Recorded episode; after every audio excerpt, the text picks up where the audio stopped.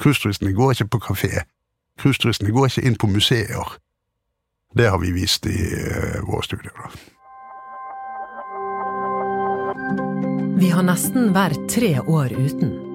Men nå legger du kanskje merke til at de er tilbake. Turistene har begynt å innta Bergen.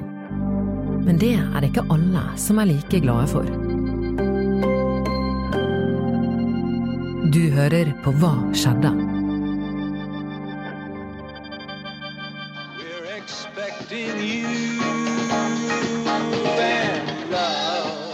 Det glade 80-tallet. Jappetiden ga folk mer penger og tid til å reise på ferie. På TV-skjermen gikk den populære TV-serien The Love Boat.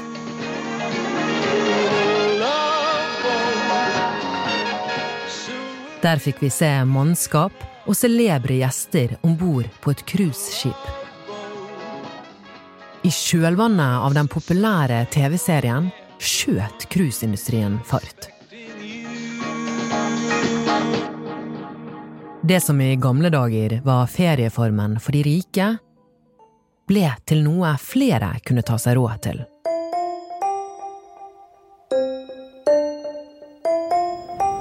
I mean, Norway is the most beautiful country. You can't tell anybody about it. You have to see it. It is wonderful being a cruising tourist because you have your hotel on your ship, you know, and you have no difficulties. You don't have to pack out and pack in again.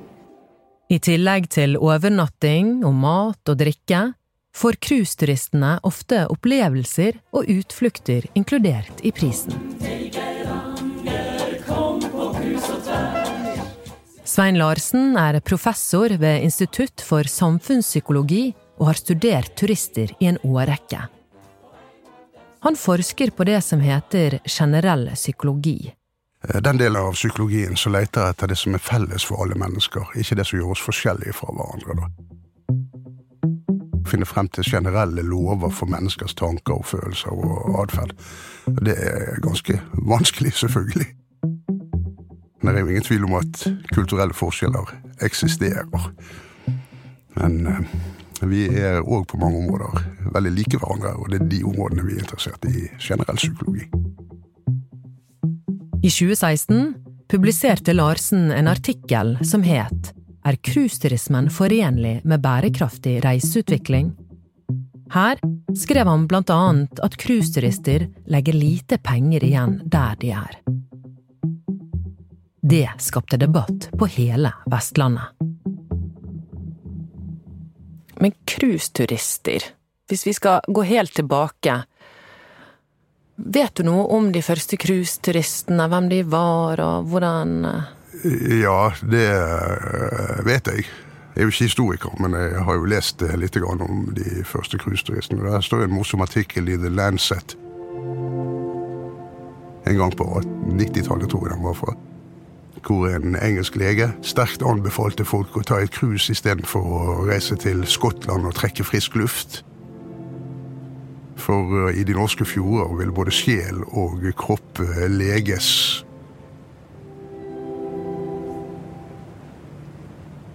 Og siden den gang har antall cruiseturister i Norge økt fra ca. 200 000 til nær 700 000 de siste 15 årene. Pandemien gikk hardt utover cruisenæringen.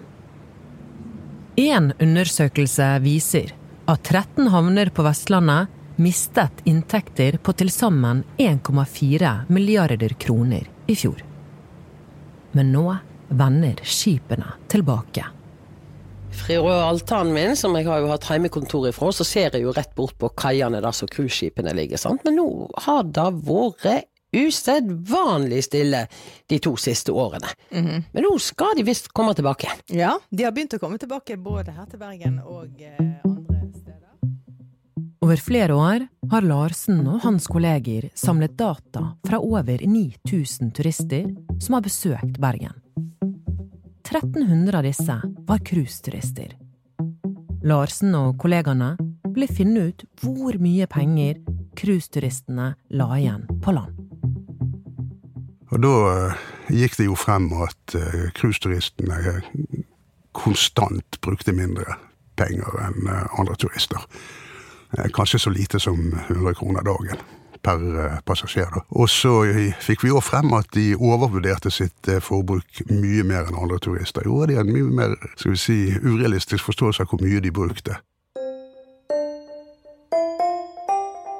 Og så ble vi møtt av sterk kritikk fra cruisenæringen, naturligvis. Eh, De eh, hadde sine egne studier som viste helt andre tall. Vi har tro på at våre tall er de riktige, og våre tall er også publisert i anerkjente vitenskapelige tidsskrifter. Det er ikke konsulentrapporter, vi har jo ingen egen interesse i dette. Hvis tallene hadde vist noe annet, så hadde vi rapportert det. Det er uenighet om tallene. Jeg har snakket med Anders Nyland, som er reiselivsdirektør i Bergen. Han avviser tallene som Larsen har kommet frem til. I rapporten han viser til, står det at cruiseturister i et normalår legger igjen 500 millioner i Bergen. Nyland forteller videre at Larsen har rett i at cruisegjester i gjennomsnitt bruker mindre penger enn den gjennomsnittlige landbaserte gjesten. Men også blant cruisegjestene er det store forskjeller. Enkelte kan bruke opp mot 5000 kroner. Men en undersøkelse fra Innovasjon Norge fra 2019 viser at en cruisepassasjer bruker i gjennomsnitt over 25 000 kroner på én reise.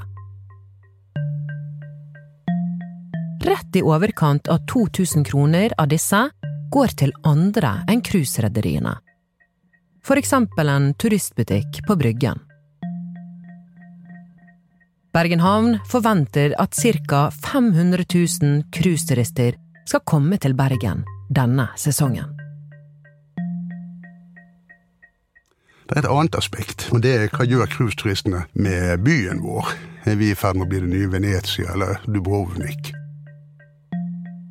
Det kan ikke jeg eh, helt svare på, men det jeg kan si er at eh, cruiseturistene bringer eh, følelsen av kødannelse til byen vår. Eh, Jo flere cruiseturister det er i byen, jo mer rapporterer alle turister at det er crowded, trengsel, i byen.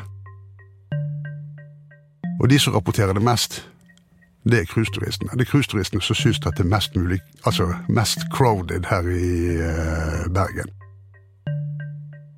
Og den opplevelsen av, eh, av trengsel, da, den henger igjen sammen med lysten til å komme tilbake. For fem år siden kom den første reiselivsmeldingen fra Solberg-regjeringen på over 17 år. Der kom det fram at regjeringen vil legge til rette for cruiseindustrien, og gjøre turistindustrien i det store og hele mer bærekraftig. Ja, jeg tenker på det samme med bærekraft som eh, alle andre mennesker gjør som er opptatt av det spørsmålet, nemlig at det handler om eh, miljø, eh, det handler om økonomi, og det handler om sosial bærekraftighet. Og det med økonomisk bærekraft, det bringer i hvert fall ikke cruisenæringen, sånn som jeg nevnte eh, i sted.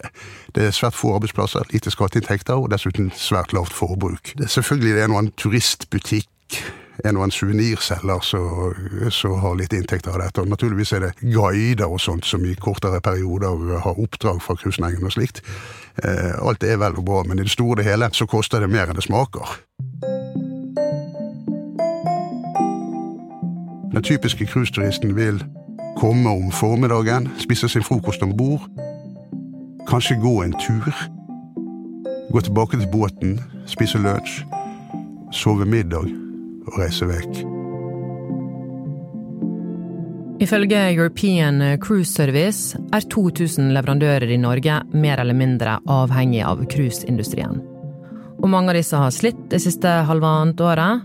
Og nå som cruiseskipene er kommet i gang igjen, så vil det berge en god del av disse bedriftene, sier de. Hva tenker du om det? Jeg tenker først og fremst at det ikke er så veldig mange. Og så tenker jeg at hvis vi skulle konvertere de turistene til landturister, så ville jo arbeidsplassene være intakte. Det som skjer med cruisenæringen, er at arbeidsplassene flyttes eh, eh, ut av landet. Og eh, overskuddene av den virksomheten der, de går altså til firmaer som ikke nødvendigvis er interessert i å bidra til skatteinntekter i dette landet. I år har byrådet i Bergen vedtatt en rekke tiltak i tillegg til å øke cruisetrafikken. Bergen går fra maks tre cruiseanløp per dag til fire. Det fjerde skipet må kunne koble til landstrøm for å legge til. Maksgrensen på passasjerer blir som før 8000 per døgn. Bergen skal ha samme miljøkrav som verdensarvfjordene. Dette vil blant annet innebære at bare cruiseskip som kan garantere nullutslipp, får lov til å gå innom Bergen fra 2026. Jeg tenker ikke annet eh, om det enn at 8000 er ganske mye, og at det helt sikkert kommer til å gå utover uh, tilfredsheten, altså fornøydheten, som er et sånt viktig mål i turismeforskningen. da. Selv om Larsen er kritisk til cruiseindustrien, har han selv fått oppleve gleden av å seile på et all inclusive hotell. Likte du å være cruiseturist? Ja, det er deilig. Det er deilig å være cruiseturist. For den som liker den slags uh, ting, da. I 2015, eller 2016 tror jeg kanskje, så tok jeg et transatlantisk cruise. Bare for å få være i fred i noen uker. Det var skikkelig fint. da. Det var som å være på danskebåten i 14 dager. Du har hørt en podkast fra Bergens Tidende. Denne episoden er laget av Anna Offstad, Henrik Svanevik og meg, Anna Magnus. Du har hørt klipp fra NRK.